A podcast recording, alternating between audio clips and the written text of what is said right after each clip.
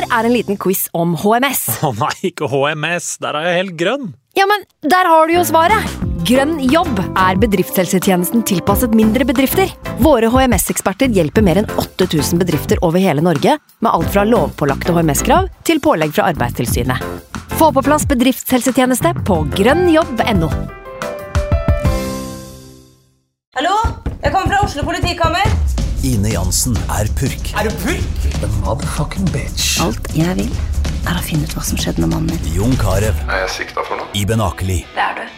Ole So, Lars Berrum og Big Daddy Karsten. Hvem sin side er du på, egentlig? Anette Hoff, Tone Danielsen, Kommer du fra Afrika?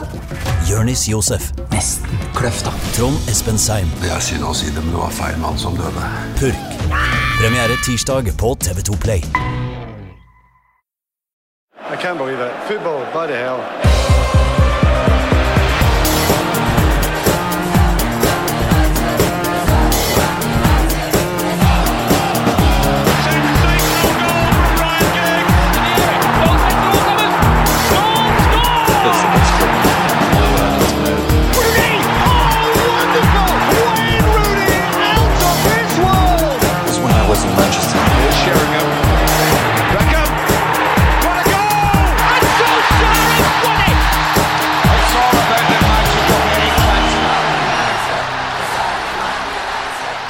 Byen er igjen malt rød, og velkommen skal du være til United We-podkast. Jeg har med meg eh, TV-mann, manusforfatter, eh, kreativ tue og impresario Sebastian Brynestad.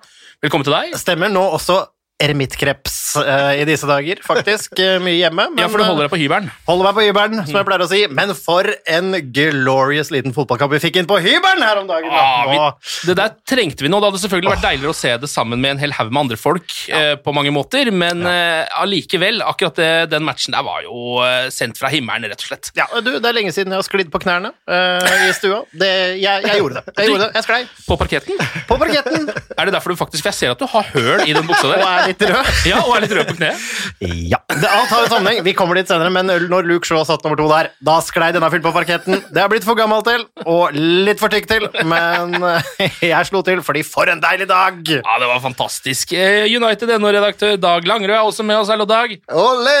Så, Litt sang må til da i dag. eh, Nei da. Jeg skal ikke ta helt av, men nei, fytti rakkeren, så deilig. Jeg var aleine i stua, jeg, Ken, når en eller straffa kom her om, her om dagen, og så ropte jeg bare 'Det er straffe til United etter 34 sekunder!' Og så kommer kona opp fra kjelleren, og de to ungene det, og er der resten av dagen. Altså.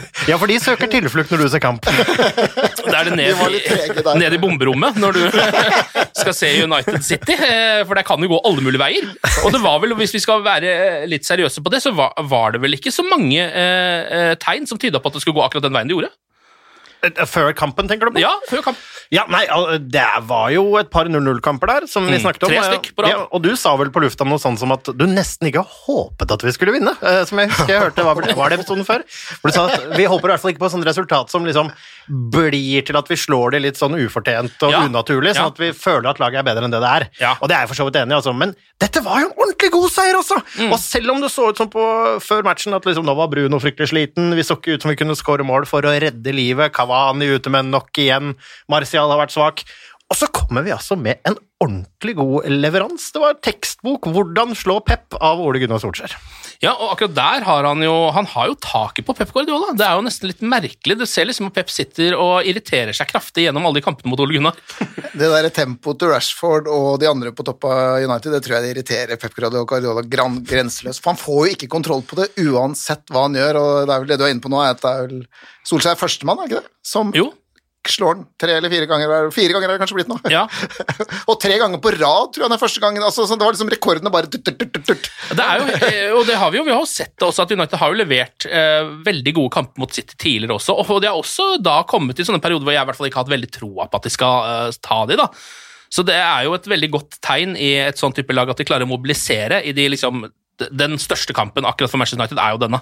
Denne Ja. mot Liverpool, selvfølgelig, men når City topper tabellen, så er det liksom det som er den største kampen. Ja, og så er, er kanskje jeg litt for sånn seriøs oppi det, da, men jeg er jo, jeg er jo liksom på den positive, da, så selv om jeg skjønner at Palace-kampen var årsverste ræva, og vi tapte mot Sheffield United og hatt noen uavgjorte, så har vi liksom jeg syns vi var ganske gode borte mot Chelsea. Vi skulle slått Arsenal, vi skulle også slått Liverpool borte. Ja og vi har hva er det for noe? Nå, har vi satt, nå er det 22 på rad uten bortetap i ligaen. Mm. Og jeg syns vi slo PSG, og vi slo Leipzig 5-0 en kamp også, selv om vi tapte mot de senere. Så Herregud. vi passer oss egentlig å spille mot det beste, og derfor så kommer det til å bli irriterende i kveld igjen å sitte og se på, begynne å se på Champions League igjen. For det Ja, skulle hatt hatt det laget her inne mot de aller beste i Europa akkurat nå. Åh. Ja, og det, men det kommer, og det, og det er det jeg liker litt, da, fordi vi har jo, vi snakker om det her å bygge stein for stein, uh, i, og vi er jo litt sånn foran skjema nå, uh, føles litt sånn godt, fordi man er litt sånn, før sesongen, ja, det blir en kamp om topp fire, folk var usikre på om United hadde det som trengs, men Bruno forandret jo på det i slutten av sesongen i fjor, men nå, nå er det sånn, nå kommer vi inn, og jeg tror det, noe av det viktigste med den matchen her er sånn, ja, vi kommer ikke til å vinne ligaen i år, med mindre City da mister absolutt all selvtillit etter det forsmedelige tapet, som jeg håper. Men, men mest sannsynlig ikke. Men det vi har med oss for denne sesongen, er at det blir mye mulig en andreplass, en solid andreplass, og hvis vi kan hevde oss i FA-cupen, kanskje vinne et trofé i Europaligaen eller FA-cup, og i tillegg slo City borte, så er det de tingene som jeg føler kan lokke liksom folk inn til prosjektet. For det er sånn, vi er på høyde med City, vi må bare ha deg inn for å hjelpe oss. skjønner du jeg mener? Ja, ja. Og sett ta det laget her, da. Og så bare altså, så får håra rett på det, Jeg vil tenke på det engang, men ta det laget her! Og så dytter du inn, og nå bare kjører jeg fra meg Greeley, Sancho eller Erling Braut Haaland, da. En sånn soleklar forsterkning av førsteelveren. Ikke en sånn, med all respekt for Donny van de Beek, ikke en ny Donny van de Beek som jeg er usikker på. Mm. En som bare går rett inn, og du veit at det der er vår mann de neste ti åra. Da Ja, er ja, er vi ikke langt unna, altså. Nei, men det er, jo, det er på en måte litt også nå altså Når vi snakker om dette prosjektet da, eh, og det å bygge stein for stein, så er det jo nå det begynner å bli litt vanskelig, for nå er det neste steget så forbaska stort. Ja. Eh, Fram til nå så har det på en måte vært greit. Det er liksom sånn, ja, En fjerdeplass, en tredjeplass, kanskje en andreplass her og der. Eh, Champions League viktig. Eh, Kanskje også det å eh, komme seg litt, litt lenger i Champions League må jo være et soleklart mål. Det kan være et mål. Det kan være et mål. Men allikevel, hvis vi bare ser på serien, så er jo neste steg er jo faktisk gull. da. Altså, det, det er ikke noe mellom andreplass og gull. Nei, nei, nei det, det viser seg, og jeg, jeg, tror, jeg tror jo det at det neste valget nå blir et større valg, men vi har jo hatt noen altså Bruno Fernandes som er en gigantisk seier på veien der, eh, og så har vi jo noen som kanskje ikke er helt det man håpet at de skulle bli, men som det fortsatt er håp for. Maguire tenker jeg kanskje spesielt på, men alle tar steg. Luke Shaw er nå eh, kanskje en av verdens definitivt beste venstrebacker. Ting skjer, da, og, og da tror jeg det steget der, da, skulle vi nå kjøpe oss en, et super-hypertalent, da, som, eller en stjerne, som ikke fungerer, litt sånn som Lukaku, så tror jeg det, risken er litt mindre, fordi stammen i laget er der, som jeg mener, at jeg tror Ja. det er lettere å kjøpe en stjerne nå, som skal gå inn i noe som fungerer, enn det er i tiden der hvor vi kjøpte stjerner for å få det til å fungere, hvis det Jeg syns det høres øh, veldig smart ut. Også, samtidig så er det jo liksom det én ting her, da. Skal vi slå altså, Ta med Klopp også, jeg, selv om de har en møkkasesong i år. Ja, ja. Ta med Klopp, skal du slå Guardiola, så må Solskjær nesten vise seg at han skal være verdens beste fotballmanager eller trener, og det høres litt rart ut når jeg sier det, med tanke på hva han har vært igjennom. da. Skal han liksom gå fra nesten skulle bli sparka i november til om et år bli hylla som den største som har satt på plass Guardiola? Det, det er en eller annen der greie der som blir utrolig spennende å følge, da, men jeg syns Alt peker riktig vei, så får vi se hvor, når på en måte toppen er. da. Altså, tenk, deg, tenk deg når Ole, bare det bildet av Ole Gunnar Solskjær med Premier League-trofeet, og løfter det sammen med Scott McTominay. Da er det mange, er det mange haters og mange naysayers som skal få kjørt seg i sosiale medier. Ja, men han tar, Man merker jo at han også tar altså han tar jo flere og flere skalper nå, Ole Gunnar Solskjær. Treffer oftere, kanskje oftere med kampplanene sine og den type ting også. Og dårlige kamper blir jo ikke noe dårligere enn U, i hvert fall. Stort sett, med unntak av Sheffield United. Altså, vi snakker ja. her er forbanna etter 3-3 mot Everton fordi vi slipper inn på overtid, og det har vi lov til. Ja. Og så er vi forbanna etter en møkkakamp mot Palace, men det er ikke sånn at vi har hatt møkkakamper mot Palace hver eneste uke her. Nei. Det har vært noen irriterende uavgjort, men Vi var jo litt forbanna for 0-0 på Anfield også, så man må jo sant? legge det opp i potten også. Ikke, ikke sant her, ikke sant? Så vi er poenget. Tidligere så har vi kanskje hadde vi tapt 1-0 mot Palace og tapt 1-0 mot West Bromwich og tapt 3-2 på overtid mot Everton. Det hadde, selv om det ikke er så stor forskjell poengmessig, så hadde det vært enda bitrere. Mm. Så det har noe med å gjøre med at jeg syns fortsatt bunnivået er for lavt. Men det er, det er to tap på 25 kamper eller noe sånt. Ja. Det er, eh, og så har vi sittet her og egentlig surmula. Jeg, jeg, her om dagen så var jeg sur etter en uke med 4-0 mot Sociedad og 3-1 mot Newcastle, fordi jeg syns vi var litt sånn trege i avtrekkeren mot Newcastle. og det er liksom så, det er perspektivene, ikke sant? Ja, det er absolutt det. Men, men, det, men det er jo nettopp det, fordi det vi har å gå opp mot, er at du vet jo at City nå, selv om de, hvis de skulle tape fire kamper på slutten nå, så kommer de til å kjøpe Erling Braut Haaland. Øh, mener? Da er det sånn, faen, dette fungerer ikke, da blir det Varan, Haaland eh, og ja, ja, altså Hvem skal de få inn på midten som gjør det bedre? Men, men skjønner hva jeg mener? At det er den, Man må hele tiden måle opp til hvem som er best. da. Og jeg tror over en hel sesong så er det som Det, det føles lettere i, altså for City, som har uendelig penger på en eller annen måte, og er unntatt Financial Fair Play, som vi nå vet, eh, så, er det jo, så er det jo spesielt at eh, så, så er er det en spesiell utfordring, da. Å klare å bygge det laget. Da må du gjøre Liverpool-varianten. Du må ha gutta på banen. Men er løsningen da det du sier nå Nå lar vi de vinne med ca. 20 poeng, sånn at de ikke tror at de trenger Erling Braut Haaland? Vi lar Chelsea komme opp og ta den andreplassen like for oss, og så trygger vi inntil tredjeplass, så tror alle at de er på vei noe sted, og så tar vi Haaland i smug. Det, det, det hadde vært helt Det hadde vært den ultimate operasjonen. Fordi hvis vi skal være helt ærlige her, så trenger jo altså United trenger jo disse spillerne her, de trenger jo de klare er innom, men de trenger jo også en eh, De har, har begynner jo å bli en ganske ok tropp, men hvis man ser på City sin, da eh, City kan stille en hel elver med bare forsvarsspillere. Som alle kunne starta kampen, liksom. Det er jo helt, de har jo en helt, eh, helt sinnssyk eh, tropp, rett og slett. Eh, og det er det vi konkurrerer med, da. Eh, Liverpool har det ikke helt på samme måte. De har mer sånn elver, og det så man nå. Når de begynte å få de skadene, så plutselig er det ikke snakk om at de skal konkurrere lenger. Eh, så det er, jo en, det er jo en vanskelig for man må på en måte Altså, eh, Samtidig som man skal få inn de der massive signeringene, så må man liksom også jobbe litt med de som skal eh, komme inn fra benken. Altså, Det er jo flere prosesser som må gå samtidig her. Ja, og det tror jeg jo United, da, sånn som vi har gjort med Prosjekt Solskjær nå, som ser helt nydelig ut. Det er masse unge spillere som kan ta steget. Nå har Mason Greenwood etter gjennombruddssesongen en veldig tøff uh, sesong, men det tror jeg han kommer til å riste av seg. Jeg tror uh, det er en del nytt, og han hadde en del utenomsportslige ting og sånn. Men det, når du ser på sånn Shorla jeg velger å kalle han Shola, for jeg orker ikke den debatten. Hva er han heter? Han heter Shola, Shola T-Ray. Shorla Shorla Ja. Shola, da, som jeg kaller han blant, eh, blant venner. da. Eh, men du, du har han, du har Mabry, du har Diallo. Alle de tingene der føles utrolig spennende og utrolig gøy, og så har vi de som allerede bryter inn, sånn som Mason Greenwood. Og så har vi bare noen tydelige mangler. Vi mangler en høyrekant. Vi har ikke hatt høyrekant siden Valencia. Ja. og, og, og det er sånne ting som er veldig sånn åpenbart, og så syns jeg jo også da at det er ganske tydelig at vi mangler en spiss, og nå leste jeg et sted om at Kavani ville til Bukka, var det det? Ja. Ja, Det sto to timer seinere at det var 'contrary to reports', så ville Ja, han ikke til boka. Så jeg, det har gått litt forskjellige ting, da. Ja, ok, men, men igjen, han er gammel og kan lære så mye. Altså, det jeg tror er ganske tydelig da, at jeg syns det unge, spennende og eh, benken vår føler jeg er på plass. Det vi mangler nå, er kanskje to, kanskje tre startere. Og litt sånn ut ifra Pogba og sånn, da, som hva skjer med han? og litt sånn. Ja, Nå er vel de siste rapportene der så vidt jeg kan skjønne at uh, i hvert fall uh, noen har nevnt at det kan godt hende at han blir. Uh, Jeg snakka jo med Jeg tror det var vi som var breaking news på den, for jeg valgte faktisk å retweete den, og da, fikk jeg, da var det ikke rolig på Twitter-kontoen min på flere, flere uker etterpå. Så fortsatt, ikke, fortsatt går det den derre Det som jeg skrev om det, går liksom i repeat. Da, fordi han skrev det er basert på hans kilder, og jeg snakker såpass mye med Andy at jeg har litt kontroll på kildene hans også. ja, for det er Andy Mitten som var Andy ute med Mitten dette. som var først ute og skrev en sak på United.no, og han tror at Paul Pogba kommer til å bli, og han har blitt fortalt at Paul Pogba er åpen for å diskutere kontrakt, og det stemmer overens med de rapportene vi selv har fått fra Manchester, men har fått beskjed om å ikke egentlig si noe om før, sjøl. Så alt liksom da, da blir det liksom én pluss én blir Hva blir det? Blir det to?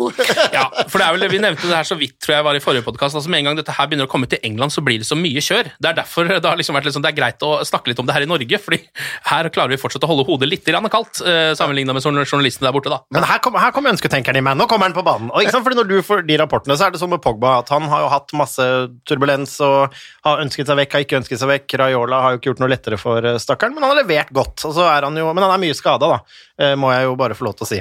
Men, eh, men profesjonell, spilt bra, er tilbake. Når han kommer på banen igjen, hvis han signerer en ny kontrakt, så kan jo det lukte av at det liksom er han og Mino som sier sånn Jo, men da blir det Haaland nå, da. Fordi Du kan ikke liksom på én side si at Pogba går og sier 'fuck Manchester United', så skal Haaland komme og si 'heia Manchester United'. Det passer jo ikke Mino Raiolas agenda. Eller gjør det det? Ja, ja, sånn, ja, Siden han er agenter begge to. Ja, nettopp.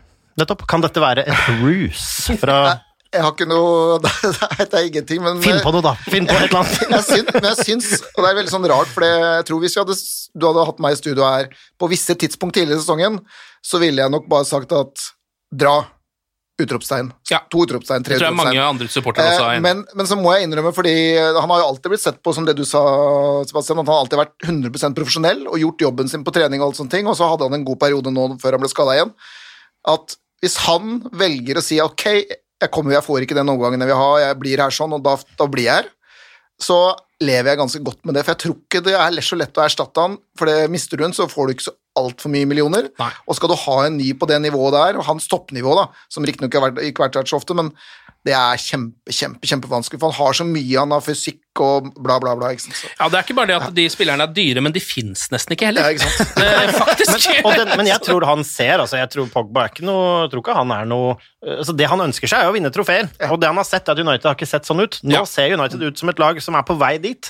Og jeg tror at han Jeg tror, jeg tror ikke han er rusher til å signere kontrakt, men jeg tror han sier La oss se hva som skjer i sommer. La oss se, Får dere på plass noe tidlig, liksom? En, vet, altså en Varan, for eksempel, eller en Haaland, da, i eh, ytterste konsekvens. Så tror jeg det er mye lettere for han å si ok, dette tror jeg på, nå gjør vi det og vinner et trofé. Tror du ikke det er så enkelt, da? Jo, men så får vi også se, da, for det, det, har jo, det er tre uker siden jeg fikk én ting fra Manchester, og så endra alt seg. Og med Pogba så kan det hende at når, når det kommer til stykket, så legger Real Madrid de pengene United vil ha på blokka, og da velger han å ta det nye eventyret istedenfor. Altså, det er jo det er det med rykter. Altså, du, du vet at du kommer til å få høre én ting denne uka, og så får du en ny ting neste uke. Men Ja. da får vi Varan. det får være greit. Det får, det får være en, et kompromiss. Ja. Ok, Skal vi se litt uh, på eh, kampen da, Uh, på Etihad mot Manchester City. Starter jo, uh, altså som du var innom tidligere i dag, da du måtte rope, rope opp familien. Det starter jo på best mulig måte. Det kan jo ikke starte noe særlig bedre Nei, det var eh, Jeg var, klart, klarte masse følelser i løpet av noen få sekunder, for Rashford går jo på et lite raid og roter Mm. seg bort, som han gjør litt for ofte for tida, og så får Martial ballen og bare Det er et eller annet med både Rashford og han at de, de setter seg i posisjoner med å få litt tempo i feltet, da.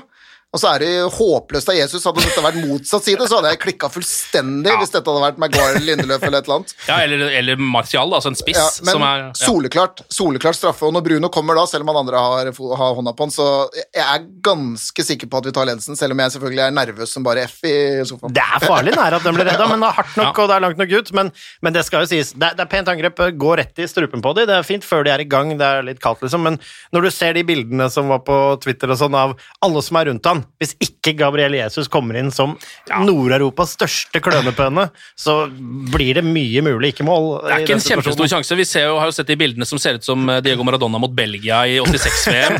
Akkurat å si det, Det er- samme! Det, var, det er jo seks spillere rundt, eller hva det er for noe. Ja. Det er så bra bilde. Det er nesten sånn der du må bare forstørre det opp og ha det på den ene stueveggen der. Ja, det er, helt, det er jo helt nydelig å se på. Eh, og en eh, for en gangs skyld ganske uredd Antony Martial. Han har jo hatt en liten dupp i formen eh, hele sesongen, egentlig. Eh, den kampen her trengte han, for han hadde en, år- jeg synes han hadde en ganske ålreit kamp. Det var ikke bare dette her, det var, det var mulig at det var det som gjorde at han heva seg litt. da. Eh, at han faktisk fikk ja, en slags assist, hvis man skal kalle det det. Ja. Skape straffa. Jeg syns, altså det syns jeg så der, da, som man så mye av han i starten og i hans gode perioder, er at det er når han tør å gi litt faen. Når han er litt sånn, når han tør å være litt nonsjalant med den geipen han ofte har, og liksom går for det bare, da. Ja, og Det der var jo liksom det første vi så Antony Martial i, i rødt, i hvert fall som jeg kan huske. Det var jo det målet mot Liverpool. Eh, Når han gjør det samme, altså det er sånn, Her er det fem mann, jeg bare går på, jeg, så ser vi hva som skjer. Eh, Og Det er jo liksom, det skal litt guts til for å gjøre det. da. Ja. Og det gjør han her, og så blir han belønna med et straffespark. Selv om det er kløning, så hadde han eh, gjort det som han vanligvis gjør, snudd seg og spilt den tilbake i støtte, så hadde aldri dette skjedd. Ja, og han skulle jo ha skåret i matchen også. Det er jo Ja. synd. Gjør han det, så er han soleklart man of the match, eh, antagelig, da. Selv om Luke Shaw skal ha sin fair del av Og hadde det blitt 0-0, da, og Martial hadde brent den sjansen han brant alene med Ederson der, så ville han jo igjen nesten antakeligvis fått uh, hatteren etter seg, ikke sant? Ja. Så det er såpass marginalt, men jeg syns han i andre omgang spesielt var ganske god, rett og slett altså, på ballen, ballen, med ballen i beina midt på banen, kunne vende bort folk og komme seg fri. Og det er jo hver gang mot City, hvis du kommer deg fri fra første, så er det jo fire mot fire, eller fire mot tre, eller Og det er nok en mer takknemlig oppgave enn å møte et forsvar med ti mann fra 20 meter og inn, altså sånn som man United ofte gjør, da. Ja, absolutt. Eh, Solskjær treffer jo også med kampplanen sin her, med et ganske så høyt press eh, på City, som du ser at det ikke helt eh, takler det, i hvert fall ikke i starten.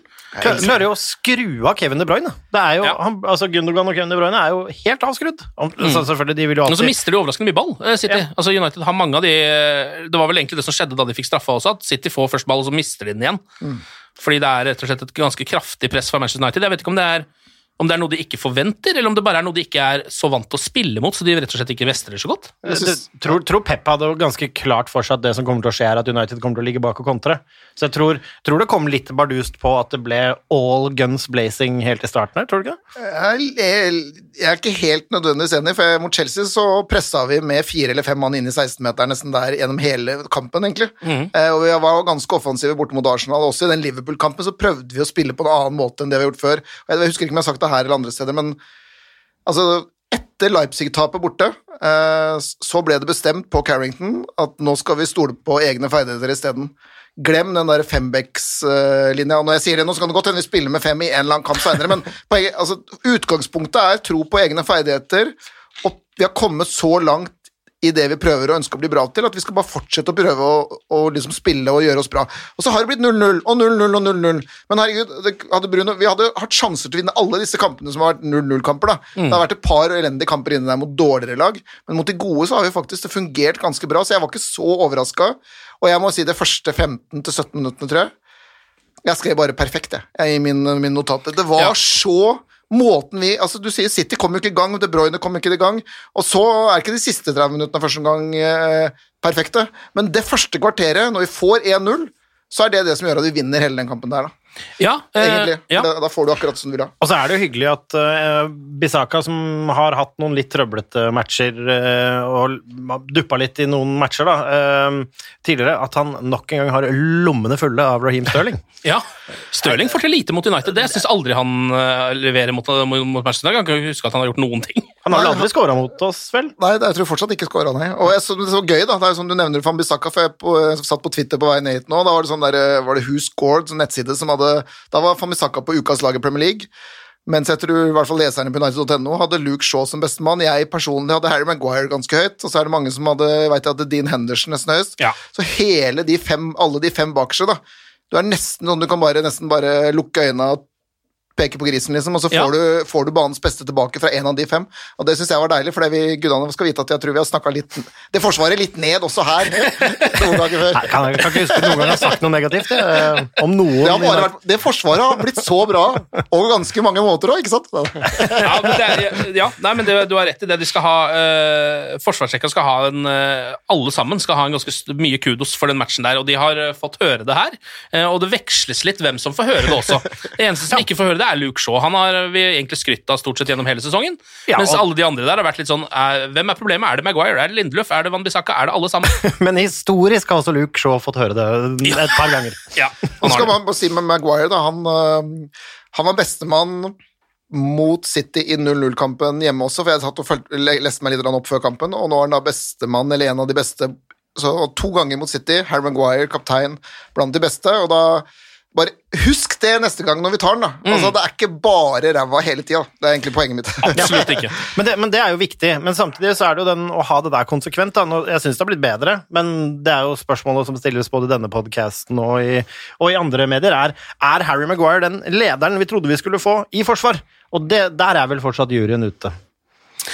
Ja, jeg, altså jeg, jeg, jeg føler jo at han er det i ganske mange kamper, da. Og så er det mange kamper hvor han blir avslørt, for han er jo en spiller med litt ekstreme ferdigheter, kan man jo si. Han er jo en svær mann. Massiv fyr.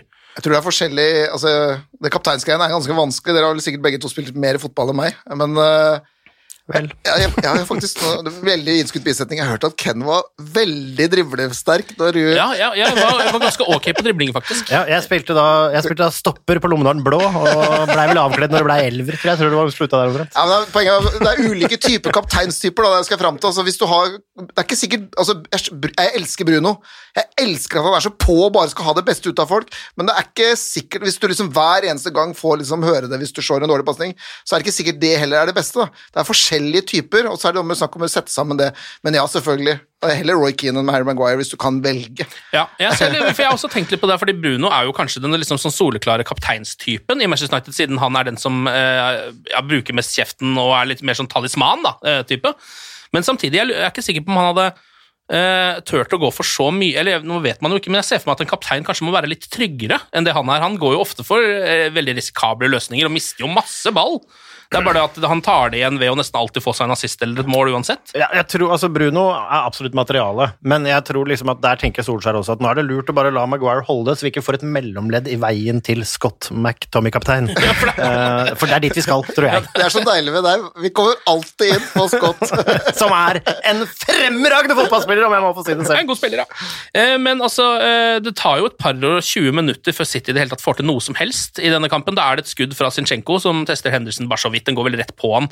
Og Det blir jo av de, eh, en av få avslutninger de faktisk har i løpet av matchen. Altså, De eh, skaper jo, eller sånn, har jo etter hvert et ganske sånn greit trøkk på United og har mye sånne nestenkjanser, mye innlegg Litt sånn som Chelsea også hadde, husker jeg. Eh, som bare Werner ikke traff. Og litt det samme nå.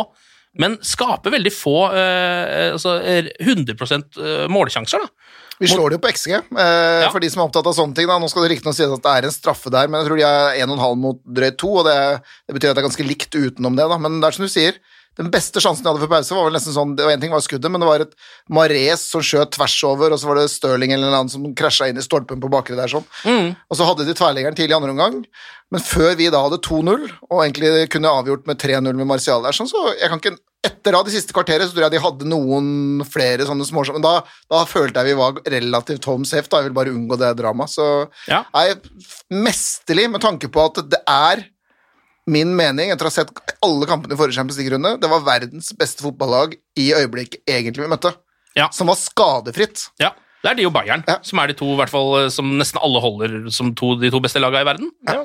Og, og det var altså Ja, det er, det er, helt, det er helt perfekt. Skårer på de sjansene vi får. Og det er jo den sjansen, og den største sjansen er vel den som klipper uh, tverrleggeren på et langskudd, som er Ja. vanskelig å gjøre noe med. Det er bra skudd, men den stiger og stiger, og spørs vel om Hendo har kontroll på den, men uh, Ja, det vet man jo ikke. Um, Men han det, kontroll på alt det han måtte ta. ja. Det Ja. er jo det digge med din Henderson. Altså, jeg bare elsker det, og det er sånn fælt å si, for jeg, jeg, er ingen, jeg skal ikke sitte her og snakke ned David Egea, men jeg bare elsker Dean Henderson som kommer inn og har sånn hva skal jeg si 17-0 på 14 kamper for United, eller ja, men han spiller jo, han spiller jo som en 30-åring. Altså, han er jo, det som jo er deilig, er jo For han er så bra på akkurat det David Hea ikke er så bra på, nemlig feltet.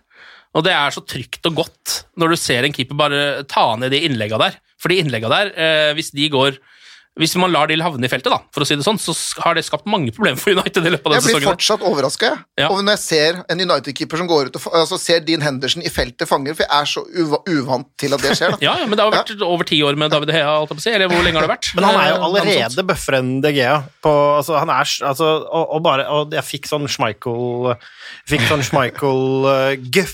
Deilig Schmeichel-gufs, når han tar og bare beiner den ballen eh, Beiner, du skal høre, men pælmer den ballen med helt sjuk kraft og treffer Shaw i starten av andre omgangen her. Ja, nå er vi jo over i andre omgang. Vi kan jo uh, bare holde uh, fortsette der, fordi City starter jo andre omgang ganske bra, egentlig. Um, har et par, tre, fire, fem minutter hvor de skaper litt. Ehm, og Rodri har den i tverliggeren, som du nevnte, Seb. Og så kommer jo denne situasjonen hvor Henderson plukker et innlegg, akkurat som vi snakker om. Hiver den langt på Shaw. Medtaket til Shaw er jo helt glimrende. Um, han der, jeg tror han er litt sånn som jeg tror folk, eller Det virker som at mange spiller som, litt sånn som Rashford, som undervurderer farta til Luke Shaw. Du ser det er en, som, en City-back som kommer mot her og tenker at den ballen der, den rekker jo jeg, og så er det bare Så plutselig er Shaw forbi deg. Den første touchen til Shaw, men altså, han ser jo at Shaw starter der, og han, han kaster den. Det er jo så hardt, det kastet, at det ser jo ut som et skudd øh, omtrent. Og Det er, den, mye, er på en måte egentlig ganske mye risiko i det kastet. da, Hvis du ser det sånn. Jeg tror ikke David Hede hivd eller For det første, kanskje ikke han er like bra på det der som Henderson, men Men Henderson har det gamet sitt. Han, altså det er jo den, den, den øh, analysen av det som jeg husker ikke hvor jeg leste, men at pga. at han har spilt for Sheffield, som gjorde mye der, mye langt for å vinne den ballen, så er han vant til å se det rommet. Ja. Selvfølgelig, det er jo en viss risk mot City, men det er jo det som avgjør kampen. Ja. Og du, altså, du kan jo ikke som og, altså Det med å stoppe Vi vil jo at stopperne våre skal gå på etter, tørre å etterlate seg litt rom, eller Forsvaret skal tørre å etterlate seg litt rom og gå på det angrepet. Og når han gjør det, så ser Hendo det, og det der er, vet du hva, det er ikke noe annet enn bare perfekt. Det var aldri farlig. Det var aldri farlig, det var perfekt utført. Men du er inne på en ting som, bare, som var min eneste sånn negative ting med kampen. Hvis jeg har lov til å bare ta med det, for jeg syns for eksempel den siste halvtimen av første gangen så syns jeg vi har veldig mange balltap på egen halvdel. Ja. Vi kommer oss aldri ut av vår egen 16-meter, og av og til føles Av og til forbanna jeg dommeren. For jeg syns det var ganske mye sånne 50-50-dueller han bare lot gå. Mm. Og av og til så forbanna jeg bare våre egne avgjørelser eller vurderinger med ball, da. Mm. Og det var jo litt Palace, så var jo det helt grusomt. Og det som er, at hvis du bare hvis den kvaliteten på noen av våre spillere er bedre, så er det sånn, da ville vi nesten kontra de i senk sånn som vi gjorde for et par år siden, eller Ja. nei, et år siden, hvor vi bare en halvtime kunne leda 5-0, liksom. Ja. Og det syns jeg ligger mot flere lag. altså Hvis vi klarer bare å heve vårs lite grann Så derfor jeg synes det er så spennende. Vi har snakka allerede om mulig kjøp til sommeren og sånn, men gi den, gutt, den gjengen her tre uker på treningsfeltet også, for nå har du ikke trent sammen egentlig, eller sånn ordentlig på sju måneder, ikke sant? Nei, men jeg er enig i det der, fordi det der er sånn som eh, kan koste United kampen, egentlig. Eh, litt, eh, nå ble ikke den kampen her sånn, heldigvis, men eh, de har et par perioder der hvor City eh, presser på litt, og så eh, er de litt sånn De får jo ikke egentlig skapt så mye, så United vinner jo mye ball, og har et par sånne overgangsmuligheter med gjerne sånn eh, tre mot tre og Den typen som de rett og slett bare egentlig somler litt bort. Som de somla bort mot Chelsea også. Du Ja. husker jo den der mot McTominay på slutten, og en med Bruno underveis i andre omgang. Der hvor jeg liksom bare Der skal vi avgjøre kampen, da, Ja. med normal kvalitet, og så gjorde vi ikke. Den sjansen har de faktisk et par av mot City, så det kunne jo på, ja, på en måte også blitt mer, da. Eller vært en enda tryggere seier enn det det ble. Ja, eller tenk bare den ekstra Hvis vi får inn den ekstra kvaliteten, og det kan være en enkeltspiller, eller det kan være litt mer trening på treningsfeltet, eller rett og slett bare muligheten med litt, en dag ekstra mellom kamper. ikke sant? Det er så, det er så små detaljer, da. Det kunne jo også, altså en Pogba da, i den matchen der, ikke sant? Ja, som kan ta den i den fasen av kampen, holde den ballen og sende den langpasninga, den bokseåpneren som han altså Muskler av en mann og sende den opp i bakrommet. altså Hadde vi hatt Pogba på banen i den matchen, så tror jeg vi hadde vunnet mer. Og jeg skal ikke være hans store forkjemper, for det har jeg egentlig aldri vært, men øh, vi har savna Paul Pogba i et par av de kampene vi har spilt uavgjort inn øh, nå, spesielt mot Palace og sånn, så tenker jeg liksom at det har vært det perfekt å ha enda en eller annen kreativ kraft, da. Ja. For det, når alt det andre forsvinner, du er nødt til å ha noen av de. Det går ikke med Matic og Scott og Ja. Jo, nei, ja, nei, nei, men altså, Scott, Jeg er helt enig i at det er, men det er heller liksom ikke Scotts jobb. Jeg synes at den biten av det, så har vi så mye dekk, da. Nå skal jo, for å tute i Scotts horn, han golla en til i det siste, så eh, han Og går kunne skåra første han gjorde mot, Chelsea, mot Palace, var jo også kunne nesten skåre. så- Stemmer, stemmer det. Så, så der, han har jo på en måte det vi skulle ønske at Fred har. da. Hvis Fred hadde Ja. hatt skuddfot, så hadde jo han også vært helt perfekt eh, nedi der. Men jeg tror vi trenger en dekning uansett om Pogba blir eller ikke, for Pogba er mye skada. Og jeg tror ikke det Altså, vet vi om hva Er det det samme hver gang? Jeg har liksom ikke så mye oversikt over sånn. Men jeg syns han er så veldig mye ute. Han har ofte litt sånne mystiske skader òg. Det er liksom ikke sånn, man vet ikke helt hva det er, og hvor lenge det er. I fjor så var det helt, helt spesielt, men eh, akkurat nå så tror jeg bare han er skada. Vi må gi ham litt tid. Jeg husker faktisk ikke hva slags skade det er nå, men i Nei. fjor var det jo alt det der surret da man var skada når han spilte basket i Dubai eller hvor det var, eller New York eller hvor Det var altså, helt natta. Da hadde han bare litt slattersyra i Årland, rett og slett. Så, så det er kan fort skje. Han hadde en liten brist i Åland bare. Eller venstre høyre, da. Men, eh, men altså, det er, jeg tror jo ofte det er det, fordi med Pogba så har det jo vært så mye uro at ofte så er det vel sånn at det kanskje starter faktisk med en liten skade, og så er, det, er han ute i et par kamper som egentlig ikke er skade. Hvis du skjønner, altså at Man bare kaller det det, fordi det blir ikke så mye bråk hvis du sier at det er skade. Jeg tror han er 100 dedikert til å komme inn på tampen her og gjøre en forskjell og forhåpentligvis eh, løfte trofé, både i tanke, med tanke på å signere en ny kontrakt og lokke de spillerne han vil ha, men også hvis han ønsker seg vekk, så er han nødt til å prestere, for ingen kjøper en Pogba som er skada en halv sesong, Nei. og som kun har levert det han har gjort nå, eller kanskje de gjør det, men det er ikke noe eh, Altså, den Pogbaen som han er den siste perioden han hadde, den kan være interessant for Real Madrid, men den Pogbaen som nå er skada igjen og kanskje skal hoste seg i gang, tror jeg liksom ikke er det de trenger. Og han må hoste seg i gang, for det er noe av det morsomste han vet, er jo i sommer. Det er jo fotball-EM. Han ble jo verdensmester. Jeg tror han har veldig lyst til å, som du sier, A, vinne FA-cupen, B, vinne Europaligaen, C, ta, ta andreplassen i serien, men D, øverst, vinne fotball-EM. Ja, Og i hvert fall spille for Ja, ja. Frankrike. i Kanskje det er det han sparer seg til? Det sånn, det er, du vet jo aldri. Konspirator. Um, så er det jo Vi kommer inn i en fase her etter hvert hvor eh, City tar litt over. United slurver litt på overgangene sine. Eh, Får allikevel noen sjanser, annet eh, Antony Martial etter 68 minutter. Helt alene med keeper etter noe Det er en takling Flott fremspill av Scott Ja, McTominay. en, en taklingsassist eh, burde det vært fra Scott McTominay. Han har så klasse. Han, han, selv midt i en takling så ser han hvordan han bare skal plassere seg for å få den perfekt igjennom. Det er altså et fotballhode av en annen verden. Men, men det, er jo, det er jo symptomatisk for Martial da, at Ja. han ikke scorer der. Og jeg syns han på en måte har blitt veid og funnet for lett for Manchester United. Uansett hvor god han er i den matchen han har nå, kan han sitte på benken. Ja, det kan han sikkert, og være en spiller som kan komme inn og forandre noe, men for min del nå, og jeg håper jo at jeg må spise Anders Grønneberg og Tix og hele gjengen, men, men i all hovedsak så tror ikke jeg han er god nok. Jeg har lyst til at han skal få lov til å spille god fotball i en dårligere klubb, og så kan vi kjøpe en bedre spiss, ville jeg sagt. Ja, Dag, hva tenker du? Jeg husker fortsatt at jeg syns han ble så mye bedre altså etter i koronaen i fjor. Men Han hadde en veldig veldig god sesong. Veldig god sesong da, og var veldig avgjørende. Og jeg følte at han liksom, ok, her er tydelig at Solskjær med sin erfaring har hatt Martial på treningsfeltet. Og så har man ikke sett så mye av det denne sesongen her, da. Og litt skada, det røde kortet tidlig, men kom jo ikke unna at uh, jeg gjerne vil ha en ny offensiv stjerne. Ja. Uh, og da sier det seg sjøl at da er Martial For du kan ikke sette ut Bruno, og med mindre Rashford eh, kroppen bare faller helt sammen, så må du bruke Rashford.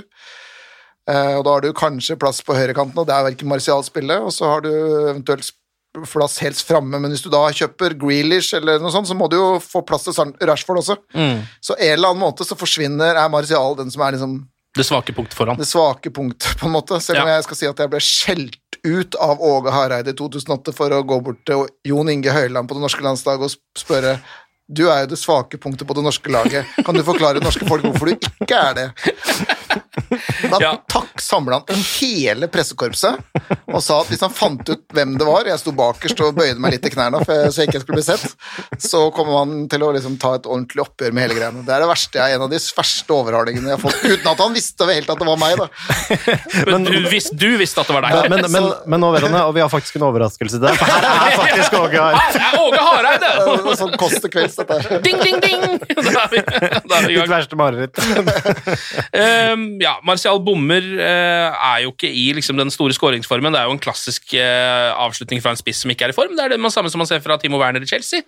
Eh, han har den sjansen der fire ganger hver kamp, og han bommer på den hver gang. ja. Og Sånn er det med den saken. Sånn er det. Heldigvis så har det ikke så veldig mye å uh, si. Det som jo uh, er um, det, En av de små negative tingene man kan dra fra denne kampen, er jo um, at Marcus Rashford etter 70 minutter har altså et helt fantastisk, uh, et heroisk returløp, hvor han eh, løper opp en eh, City-overgang. Um, og så får han vel en liten kakk på ankelen, ser det ut som, Uh, og så blir han da bytta ut, Greenwood kommer inn. Jeg vet ikke, er det noen av dere som, Vet vi noe mer om, den, om skadeforløpet her? Så den pressekonferansen, da var det et overtråkk han antok, Solskjær, men Ja, De frykta at det kunne være verre. Eh, Det kom jo i dag noen rapporter fra, ikke bekrefta, men fra journalister som skrev at eh, Kanskje ut mot Milan, men uh, ikke noe så veldig mye verre enn det. Men Nei. han kunne ikke gå på, kunne ikke belaste det 100% var det dagen etterpå, eller et eller annet sånt. Altså, Ja. Jeg regner med at normalt så spiller ikke han kanskje før Westham, da, eller er ikke det som er på søndag? Mm. ja. Ja og det er, jo et, eh, det er jo en strek i regninga, fordi tradisjonen tro så trekker vi jo alltid det verste mulige laget å trekke hvis det er Altså hvis noe skal trekkes, så er det bare å anta det verste. Det er det jo. Men for Eh, et ride, altså for et eh, returløp det Ja. var, og det er så deilig å se. Det er nesten sånn når du ser plutselig en komme inn av høyre side på TV-en og bare fosser gjennom hele, da. Ja. Eh, helt fantastisk. Og i den forbindelse må jeg også nevne Daniel James satte var tredje beste kampen, tror jeg, eller tredje fleste sprinter i Premier League i denne sesongen her, i den Ja. med 37 sprinter, og det er sånn der Det er ikke noe Rashford Rashford pleier alltid å vinne den sprintgreiene på 20-23, liksom, og så kommer Daniel James inn mot City og tar 37, og han har selv førsteplassen fra før av med 40 mot Leeds. Han har det, ja! Å, herre jemini. Ja. Nei, men han har jo også, eh, det er også en spiller som jeg plutselig liksom føler at man kan forsvare at spiller for Manchester United. Ja, han hadde vel ikke sin beste kamp, men altså, så poenget er at han, han, har, han, er, han løper mye, Mm. og han holder bredden, og det kan jo være med å gi plass til litt andre, men uh... Blitt litt bedre, syns jeg, da, til å holde på ball, eller til å ikke liksom eh, velge feil løsning hver gang og bare miste ballen hodeløst, som han har gjort litt for mye av. Og han er jo så rask at det, er nesten, det ser nesten ut som tøys av og til når han setter fart. Det ser ikke ordentlig ut. Eh, Så det er litt sånn som med Fred, da. Hvis Fred legger til avslutninger, og han legger til et liten dimensjon til av liksom fotball, altså den siste biten, da, etter å ha, etter å ha tatt det løpet, om enten avslutninger og eller liksom en lur pasning eller bevegelse, så tror jeg det, Jeg skal ikke avskrive James, jeg. Og jeg tror, squad player, i hvert fall, Ja. ja, definitivt. til visse kamper. Eh, og så ser det jo ut som det kan bli enda mer kostbart for United denne kampen, for så går jo også ned etter 76 minutter. Det er andre gangen han sitter nede i løpet av kampen. Det var en eller annen gang første omgang, husker jeg. Eh, men han fortsetter jo, da, eh, så vi har vel ikke fått høre noe om om det er noe alvorlig. Det er det jo sikkert ikke, siden han fortsetter. Men han ble testa før kampen. altså det var, Ja. Avgjørelsen ble tatt på oppvarmingen om det var han eller Telles. eh, Så han var, har vel egentlig hatt en føling allerede. Ja. Ja, så det lukter kanskje Telles mot AC Milan da, Ja. på, på torsdag igjen da. Hvis Det hadde du- det kanskje gjort uansett. Ja, det, ja men de, jeg tror de har veldig lyst til å gå videre. Altså, og de har jo ikke lyst til å tape 1-0 hjemme liksom, om å vinne i Italia. Så, Nei. Så, men selvfølgelig, jeg tror ikke de tar så mye sjanser altså med halvskada folk. Det, det høres eh, Da var det i så fall, hvis det her var en uh, liten sånn risiko før City-kampen, uh, at det var litt sånn, ja, vi kan bruke så, men da vet vi ikke helt, så var det en uh, veloverveid og god risiko å ta, kan vi jo si, med, med bevis i hånda. Og så, ja, og så, og så um, har vi jo også lært at disse tilbakeløpene til Rashford, som er så herlig å se på, de kan du godt la være med neste gang, Rashford, hvis du da skal være ute i neste match. og, og til deg som hører på, hvis du har kommet så langt som det her Hvis du nå ble litt mer interessert i Luke Shaw, så Ja. er det en spesialepisode om Luke Shaw som er den forrige episoden av United We Podcast. Så hvis du etterpå har hørt på dette her, går tilbake, ser, på, ser alle episoder, og så velger den, så kan du høre hvordan Luke Shaw kom seg fram til denne kampen her, hvor han da måtte ut for skade. Ja, og hvis det er interesse, så jobber jeg med et firetimers eh, TED Talk-foredrag om eh, The Glory of Scott McTominay. Er du interessert i det, send informasjon til Ken. Eh, kampen eh, ebber eh, sakte ut med 2-0 til Manchester United. Noen defensive bytter på slutten. Matic kommer inn, og så videre. Williams kommer inn for Bruno, som er dritforbanna etter 1393 minutter når han blir bytta ut. Det er så deilig. Jo- det er mange som sier at han burde få hvile oftere, men jeg ser for meg hvis Solskjær liksom tar ut laget, og han prøver seg på Bruno you're starting on the suspension day, og det blir bråk. Ja, ja, ja, Jeg skjønner jo at Solskjær bare Ok, vi, vi, vi setter, du spiller, du. Jeg tror han er sånn hjemme også, sånn kona er sånn Skal vi gå og legge oss, Bruno? Nei! Jo, klokka, klokka 11, Bruno. Skal opp tidlig i morgen på trening og Jeg har ikke lyst til det! Jeg tror han aldri har lyst til å gjøre, slutte med noe som helst. Eh, City slått, altså. Eh, etter 21 strake seire så var det Manchester United som skulle bryte den rekka der. Deilig. Eh, er ute på Instagrammen til Maguire etterpå og skriver 'Top performance, captain. You have a big head'. Vet du hva? Når jeg så det, så ble jeg så glad. Jeg tror, jeg tror Bailly tror jeg er altså jeg, jeg mistenker at han er et muntrasjonsråd i den gjengen. Når du tar deg liksom bryet å skrive du har et svært hue til kapteinen din på, på Instagram etterpå, og, og det føles som nothing but love, på en måte, så eh, du må jo bare elske Bailly, og at han er tilbake til å levere litt. og Hvis han liksom holder seg skadefri, sånn apropos forsvarsspillere, så er jo han altså Han har jo alle de egenskapene vi egentlig ser etter. Ja, han har det. Um, han er jo en, ja, han er jo en Med spiller unntak av som kroppen, da. Av kroppen, selvfølgelig. Med unntatt av da, det å klare å levere kamp etter kamp. ja, Det er det eneste han mangler. Som er det vi ser mest etter. da. uh, så altså, Da blir altså Solskjær første United-manager som, første United-manager som har vunnet sine tre første bortekamper mot eh, Manchester City. Og uh, den prestasjonen blir jo ikke noe mindre av at City har jo aldri vært bedre enn det de har vært under Solskjærs periode, så det er jo ganske godt jobba, det. Um, vi kan jo gå videre til å se på et par andre ting, nyheter og rykter og den slags. Eh, nå ligger jo Bruno Fernandes ehm, dessverre, og jeg skal forklare hvorfor det er dessverre, på en måte, an til å bli eh, årets spiller, eller sesongens spiller, da, i Premier League. Eh, Skybet har en eh, odds på Nå er det ti runder igjen. Han er på 1,8, eh, og vi skal eh, opp på 5 på Ruben Diaz. Som jeg heller ikke ser for meg, selv om han er City-spiller. så eh, Det klinger ikke årets eller sesongens spiller av Ruben Diaz. Vet dere hva, gutter? Jeg er jo medlem av Sport Writers Association, så jeg får stemme.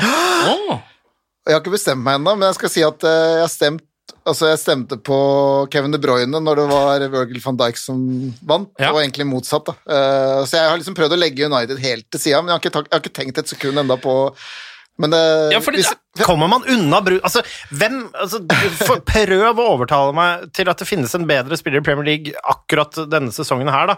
Ja, nei, det en, eller det siste året som har vært.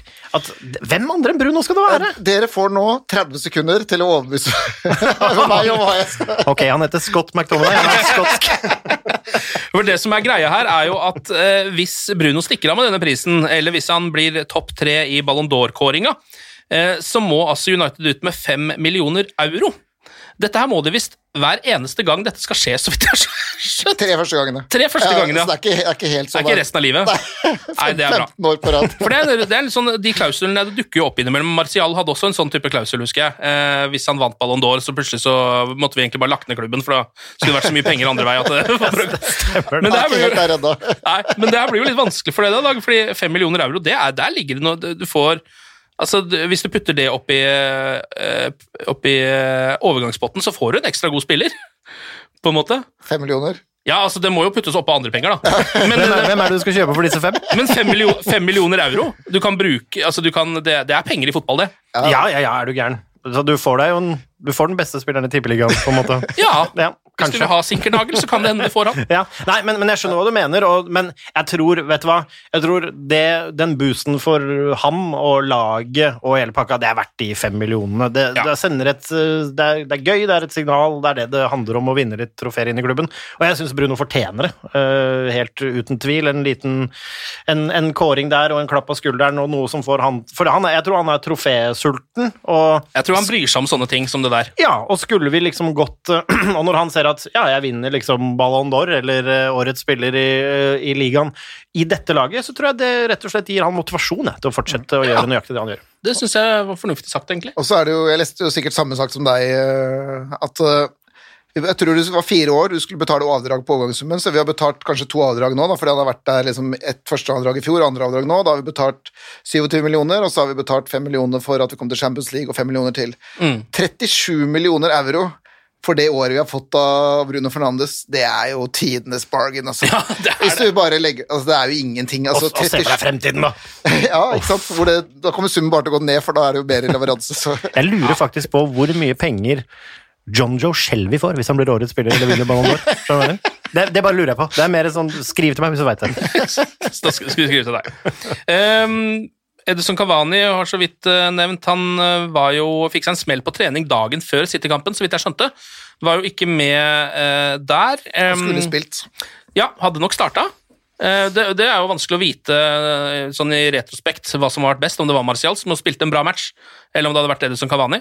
Eh, Helt, umu helt umulig å si. Det Men- hadde, men som- men som det Edison Cavani hadde i hvert fall ikke gått mot seks forsvarsspillere og fått et straffespark. Det er jeg ganske sikker på. Det er jeg også sikker på. Som det ble, helgull med Tony. Han gjorde en god kamp, var en, nusens hele veien. Og han er en helt annerledes spiller enn Kavani, så sånn som kampen ble, good times. Ja. Veldig spennende hvis, altså, hvis Martial nå leverer en ny god kamp. da. Plutselig så får du to positive opplevelser. altså Jeg mener jo at selvtillit er så elementale. og Selvtillit er, betyr så mye nesten uansett hva du driver med her i livet. Så det, plutselig, altså, så er det, kan vi sitte her og snakke han ut av klubben og hate han litt, og så er han tilbake, og så fullfører han sesongen akkurat som i fjor. Da. Det, det, jeg tror jo ikke helt det, men maybe. Ja. Men begynner han å kelke til da, og treffe liksom, og pirke de der kølerne i lengste hjørne og, og, og liksom skyte i steget, og hvis de tingene kommer tilbake, så skal jeg stå med flagg og hatt og sånn gøyal fløyte og synge Marcials navn.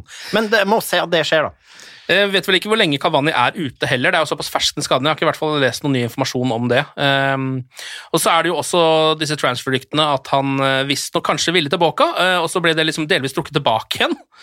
Så vi vet jo ikke helt hva som skjer der heller. Nei, men jeg, sitter jo eh, Altså, hvis Igjen, da. Du snakker jo, Det er du som har nevnt han Erling Braut Haaland her. Altså, Hvis Erling Braut Haaland kommer til United, uh, hadde gjort det i sommer altså, nå er, nå er, Dette er ren spekulasjon til alle lyttere. Du må ikke liksom hoppe noe her sånn. Det liker vi. Da er jeg veldig usikker på om Edison Cavani eh, har det best i Manchester United neste år. Ja. For da kommer det til å være en annen spydspiss nummer én, og det- jeg vet ikke hvor spennende han syns det vil være å spille mot Crystal Palace tredje hver uke, liksom. Nei. Så Jeg tror nok han har lyst til å spille i sine siste år. ja, så kanskje da kan godt hende at hele det greiene med United, om de blir enige om å avvente litt, grann, for eksempel, jeg, vet ikke. Det blir, interessant å følge. Ja. Men han har jo, jeg tror, er, det, det føles ikke som noe sånn bråhast uansett. Han har kontrakt til 10. juni, var det det? Ja, det er vel noe sånt, ja, kanskje. Noe sånt noe, og, ja, eller juli, eller ja, jeg husker ikke, men uansett til ut sesongen, og da tenker jeg som så at hvis, hvis han da bestemmer seg for å gå, så kan jo det sette litt press på klubben også, men om man får Haaland er jo veldig, veldig veldig usannsynlig, og det jeg lurer litt på, du som har litt peiling, og det er litt rykter, jeg elsker rykter, eh, og den slags. Hvis man bare fjerner Haaland fra regnestykket, hvem er det vi liksom oppriktig ser på? Eh, fordi vi må ha spiss, vi må ha høyrekant. Det er ingen tvil om det. Jeg har ikke hørt noe annet om en annen spiss enn Erling Breit Haaland, vet jeg ingenting om. Ellers så er de to navnene som har gått igjen når jeg har snakka med folk det siste året, var først Jaden Sancho, eh, og så ble vel det skifta ut Med Graylish etter hvert. med Grealish. Ja. Eh, og så, så veit du at de alltid har vært interessert i Haaland, men den er kanskje alt, litt for vanskelig. Da. Men det er Ja. de tre navnene der, og jeg blir veldig overraska hvis de plutselig trekker opp en annen 120 millioner spiller ut av potten. Altså, kanskje du kunne snakke om en Declan Rice, eller noe, men det er, ikke, det, er ikke, det er 80, det er 70. Altså, det er det der neste steget ned. Da. Hvis, hvis United skal ha noe nå, så er det ja, altså Hvis jeg faktisk kunne nevnt ett navn til, da, som jeg hørte i en bisetning, så er vi Vi snakker nå om Kylian Mbappé, Erling Braut Haaland, Che Sancho, Grealish Vi er der, da! Jeg skrev sjøl en kommentar på United.no for noen uker siden om at jeg så for meg et ræva sommervindu. Vi hadde ingen sjanse til noe, bare negative rapporter fra Manchester. Økonomien er, går til helvete. Så la Edward, Woodward fram noen nye tall nå. Bjarte Valen på United.no syns at dette så veldig positivt ut, så så sjekker jeg, og så får jeg bare positive tilbakemeldinger sjøl. Så jeg tror min, mitt nå, nå er det sånn at jeg forventer et strålende sommervindu hvor det kommer et eller annet ordentlig bra inn, men hva det er Og hva, til slutt så må de også ta den avgjørelsen, for de kan antageligvis ikke hente både en av de der supergutta og en midtstopper Nei. og en midtbanespiller. Så de, men jeg, jeg tror kanskje at jeg har veldig lyst på en sånn der statement-spiller igjen, da, kanskje. Eh, bare sånn og jeg, bare, og det, jeg vet at jeg sa Mbappé nå, så er jeg bare sånn, det er jo latterlig å snakke om nesten, for du snakker nesten om 300 millioner pund nesten. Altså er, men, men poenget er at det er, det er noe som jeg syns jeg hører til både som går liksom mot de aller, aller, aller største. da. Vi snakker ikke om en ny sommer med Donny van de Beek og Cavani og Ahmed Diallo, med all respekt for alle de tre, altså, men du snakker om den derre bang! Ed Woodward kommer til å glise. Eh, ja. Å, jeg får frysninger. Altså, vet du hva? Hvis, altså, altså Om Pogba sier sånn vet du hva, 'Jeg tar et år til', jeg, og Varan bare 'Jeg tar turen'. Vet du hva, Kylian? Han bare 'Vet du hva, nå er det så fransk og hyggelig her at nå- Jeg tar turen'. Jeg skal ikke bli skuffa. Da skal, jeg skal la Haaland gå for denne gang, hvis det blir Varan og Kylian. Men det er jo, altså, det er jo ekstremt eh, gode og veldig spennende nyheter. at transfervinduet, altså Det er i hvert fall penger å bruke her. Ja, det er jo sensen, essensen, da, altså, for det, nå er det masse navn som kastes ut der, men Ja. det skal være penger og muligheter, og det er bare noen uker siden det ikke var det. Hvordan, hvordan stiller vi bare kjapt, hvordan stiller vi i forhold til andre klubber som er liksom beilerne til Haaland og disse Jeg føler det blir jo nesten spekulasjon, gjør det ikke det? Altså, men, men jeg har jo en følelse av eller sånn at eh, Dessverre så har jeg litt en følelse av at jeg tror Manchester United er litt på liksom den eh, stigen, samme eh, trappetrinnet da, på en måte som Dortmund kanskje er litt på. Eh, Når det kommer til valget til eh, Erling Braut Haaland. Nå er jo eh, United en større klubb, men jeg tror at han kommer til å gå til liksom det, Altså City. han kommer til å gå til en av verdens topp tre klubber da, når han går til et, et sted i det hele tatt, tror jeg. Hvis han skal til Manchester United, så må det være fordi han i hvert fall tror jeg, fordi han da har en eller annen ekstra følelse rundt den klubben, og vil at den, han vil være den som får den tilbake på toppen igjen.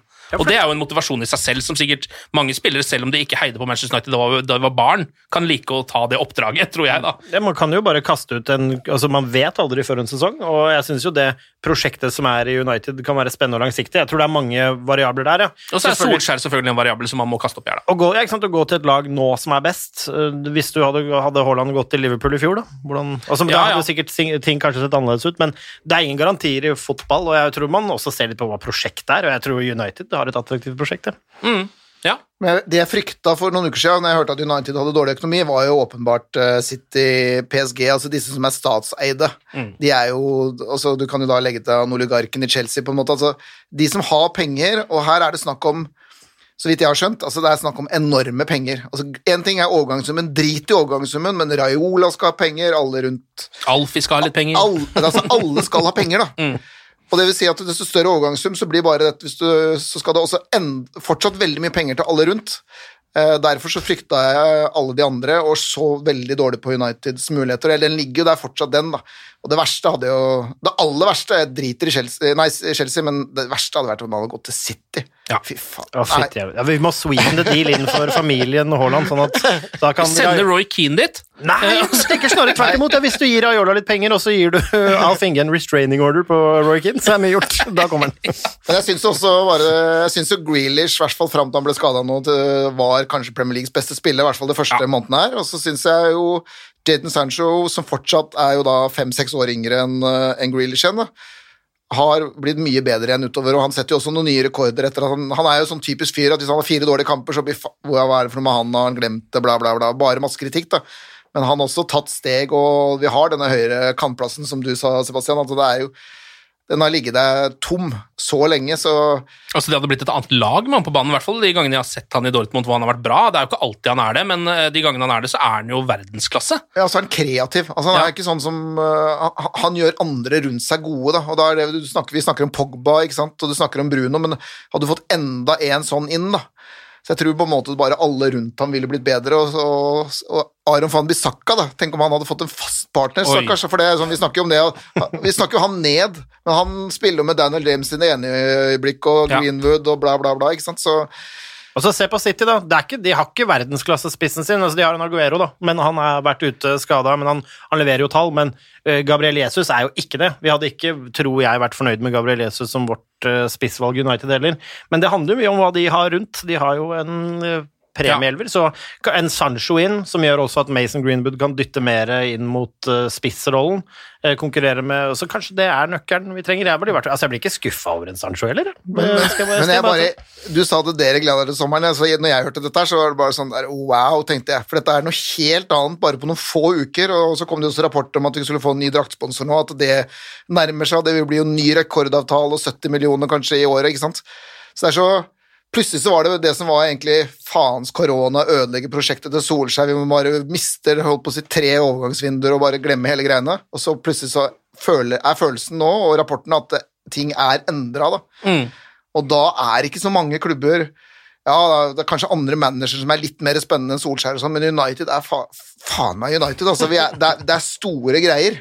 Ja, og veldig, altså, veldig, ofte når sånne ting eh, Når økonomi begynner på en måte å få seg en oppsving samtidig som det sportslige, da skjer det noe i en klubb. Ja. Eh, da kan alt egentlig skje. Da Det er på en måte the sky the limit, så får vi bare se hva de får ut av det. Tenk om vi løfter et trofé, en FA-cup eller en eh, Europaliga bare sånn for å ha litt sølvtøy i tillegg til en andreplass der, det tror jeg også kan være gulroten som henger og Og bare å slippe det der Og jeg er allerede lei av det der eh, Solskjær og semifinaler og at han ikke Og det, ja. jeg husker Pochettino som holdt på med det der i 14 år før han vant en ligacup. Frankrike lå det for noe. Ja, det stemmer, det.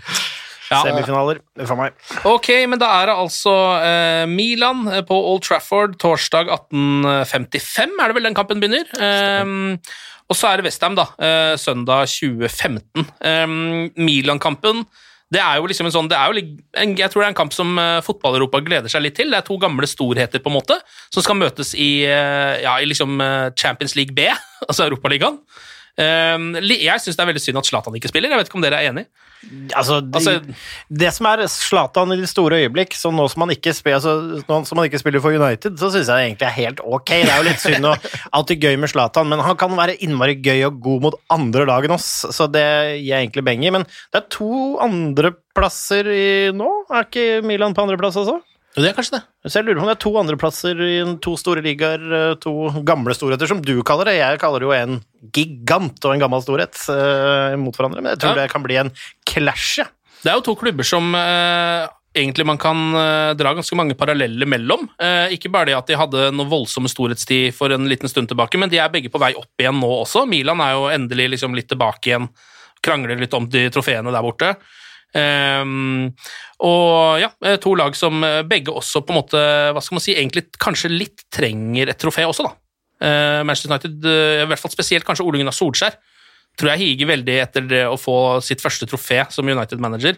Da føler jeg Det er vel, jeg vet ikke liksom hvor mye et styre egentlig bryr seg om du har vunnet en FA-cup eller en Europaliga, men for han personlig så er det uansett ja, en seier, da. Jeg tror det også for mange av, den, mange av de spillerne som er i den gjengen. Det er, ikke, altså det er noen spillere igjen som har vunnet noen trofeer, og det er jo faktisk et par igjen som har vunnet ligagull også, med, ja. med, United, men det begynner å, det begynner å bli tynt i, tynt i rekkene. Phil Jones er god og mett. Han sitter sitter og slapper av.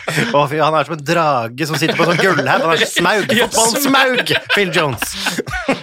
Jeg lurer på om vi skal gi oss der, hvis ikke det er noen andre som har uh, noe å tillegge helt på tampen her. Å gi seg på at Phil Jones er fotballens smaug. Jeg syns det er en god, en god avslutning. Jeg kan, jeg kan, få lov til å si kanskje at eh, jeg, jeg bare liker jo at det, liksom, det ble en sånn fantastisk helg. For én ting var jo hva som skjedde med United og det laget vi ikke sier navnet på, og som også sliter litt mer enn oss. Men så vant jo kvinnelaget, vant jo U18-laget, slo Liverpool. Så var bare Alt bare gikk eh, inn, da. Ja. Og jeg bare elsker de helgene da jeg har liksom hatt noen ro i kroppen, da. Så jeg, bare, jeg er så glad på vegne av Og ikke glem, og ikke glem den lille konfettien over roen som er Fullham 1, Liverpool 0. Ah, det kan, det kan være greit å ta med seg den også. Det kan være greit å ta med seg. Det er, nesten, det er nesten vanskelig å ikke liksom bli med på det derre for det er på sosiale medier-greiene hvor folk skal bare latterliggjøre Liverpool. da. Ja. Det er nesten vanskelig å ikke bli med. Jeg prøver å holde meg for god til det. Ja, Man må men... bare tenke en seks-syv år tilbake sjæl. Man, ja. man, holder seg for god til det fordi å latterliggjøre seg selv det, Nei, det klarer de helt fint selv, og det er jo litt sånn eh, Da får det være greit. Vet du hva? Denne podkasten er altfor snill mot andre lag. Liverpool, bu med dere. Yay med Manchester United! de har jo, de har, jeg må bare nevne, de har jo faktisk uh, tatt vare sånn markedsrettighetene på det der med en sånn der sitat som inneholder det der 'six times in a row' eller et eller annet sånt. Og så da, da har du 'six times in a row' på det. Nei, nei, er, det er så mye det er å ta av, da. Men eh, vet du hva, dette her er United Podcast, så Ja, og, og vi må vi får også få ned det, så jeg foreslår nå, Ken, at du nå for tredje forsøk får lov til å avslutte, og så blir vi her en time til og snakker litt dritt om Liverpool. Det høres bra ut. Dag og Seb, tusen takk for besøket, og glory, glory.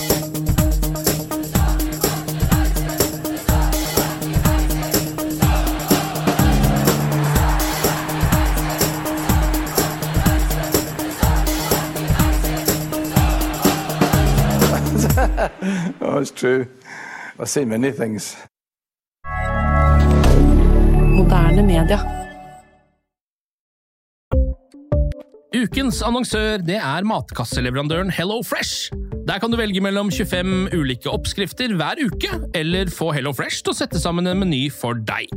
Jeg sparer tid på å handle, oppskriften er veldig enkel å lage, og så får jeg akkurat det jeg trenger da, til hver eneste rett, så jeg slipper å kaste så mye mat som jeg vanligvis gjør. Det er også litt deilig å faktisk slippe å gå på butikken, ikke bare fordi det er tidkrevende, og sånn, men fordi man ender opp med å kjøpe så mye greier som man egentlig ikke trenger, sånn som fire poser eh, Smash og en kick med havsalt, for eksempel. Det er ikke det du egentlig er der for, du er der for å kjøpe, kjøpe middag. Så det er en veldig eh, kjekk ting. I tillegg så er det jo eh, ferdigporsjonerte ingredienser, det blir mindre matsvinn, og du betaler bare for det du faktisk trenger, og det du faktisk da spiser. I tillegg så blir det da levert på døra til et fastsatt tidspunkt, sånn at du kan få det akkurat når det passer for deg eh, sjæl. Hvis HelloFresh høres ut som noe for deg, så har jeg en rabattkode du kan bruke også. Gå inn på hellofresh.no og bruk koden HelloUnited24. HelloUnited i ett ord, også 24, og få opptil 1779 kroner i rabatt på de fem første matkassene dine hvis du ikke har prøvd HelloFresh ennå. Du kan også bruke koden hvis du tidligere har vært kunde, men har stoppa abonnementet ditt for tolv måneder siden eller mer. Det er ingen bindingstid, og du kan pause eller avslutte abonnementet ditt akkurat når du selv måtte ønske. Husk koden HelloUnited24, og bon appétit! Ukens annonsør er Folio, en smartere banktjeneste for deg som har en egen bedrift eller ønsker å starte for deg selv. Folio er en superenkel nettbank for bedrifter. Som kunde i Folio får du en bedriftskonto med et bedriftskort og app.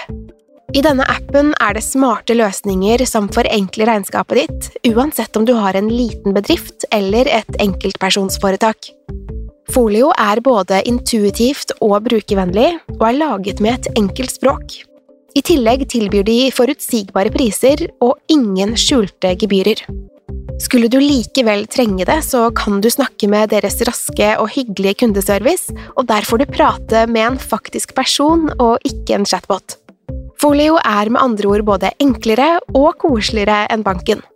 Over 10 000 bedrifter har allerede valgt Folio som sin banktjeneste, så besøk folio.no og se hvordan Folio kan forenkle din hverdag også. Har du et enkeltpersonforetak eller en liten bedrift? Da er du sikkert lei av å høre meg snakke om hvor enkelt det er med kvitteringer og bilag i fiken, så vi gir oss her, vi. Fordi vi liker enkelt. Fiken superenkelt regnskap.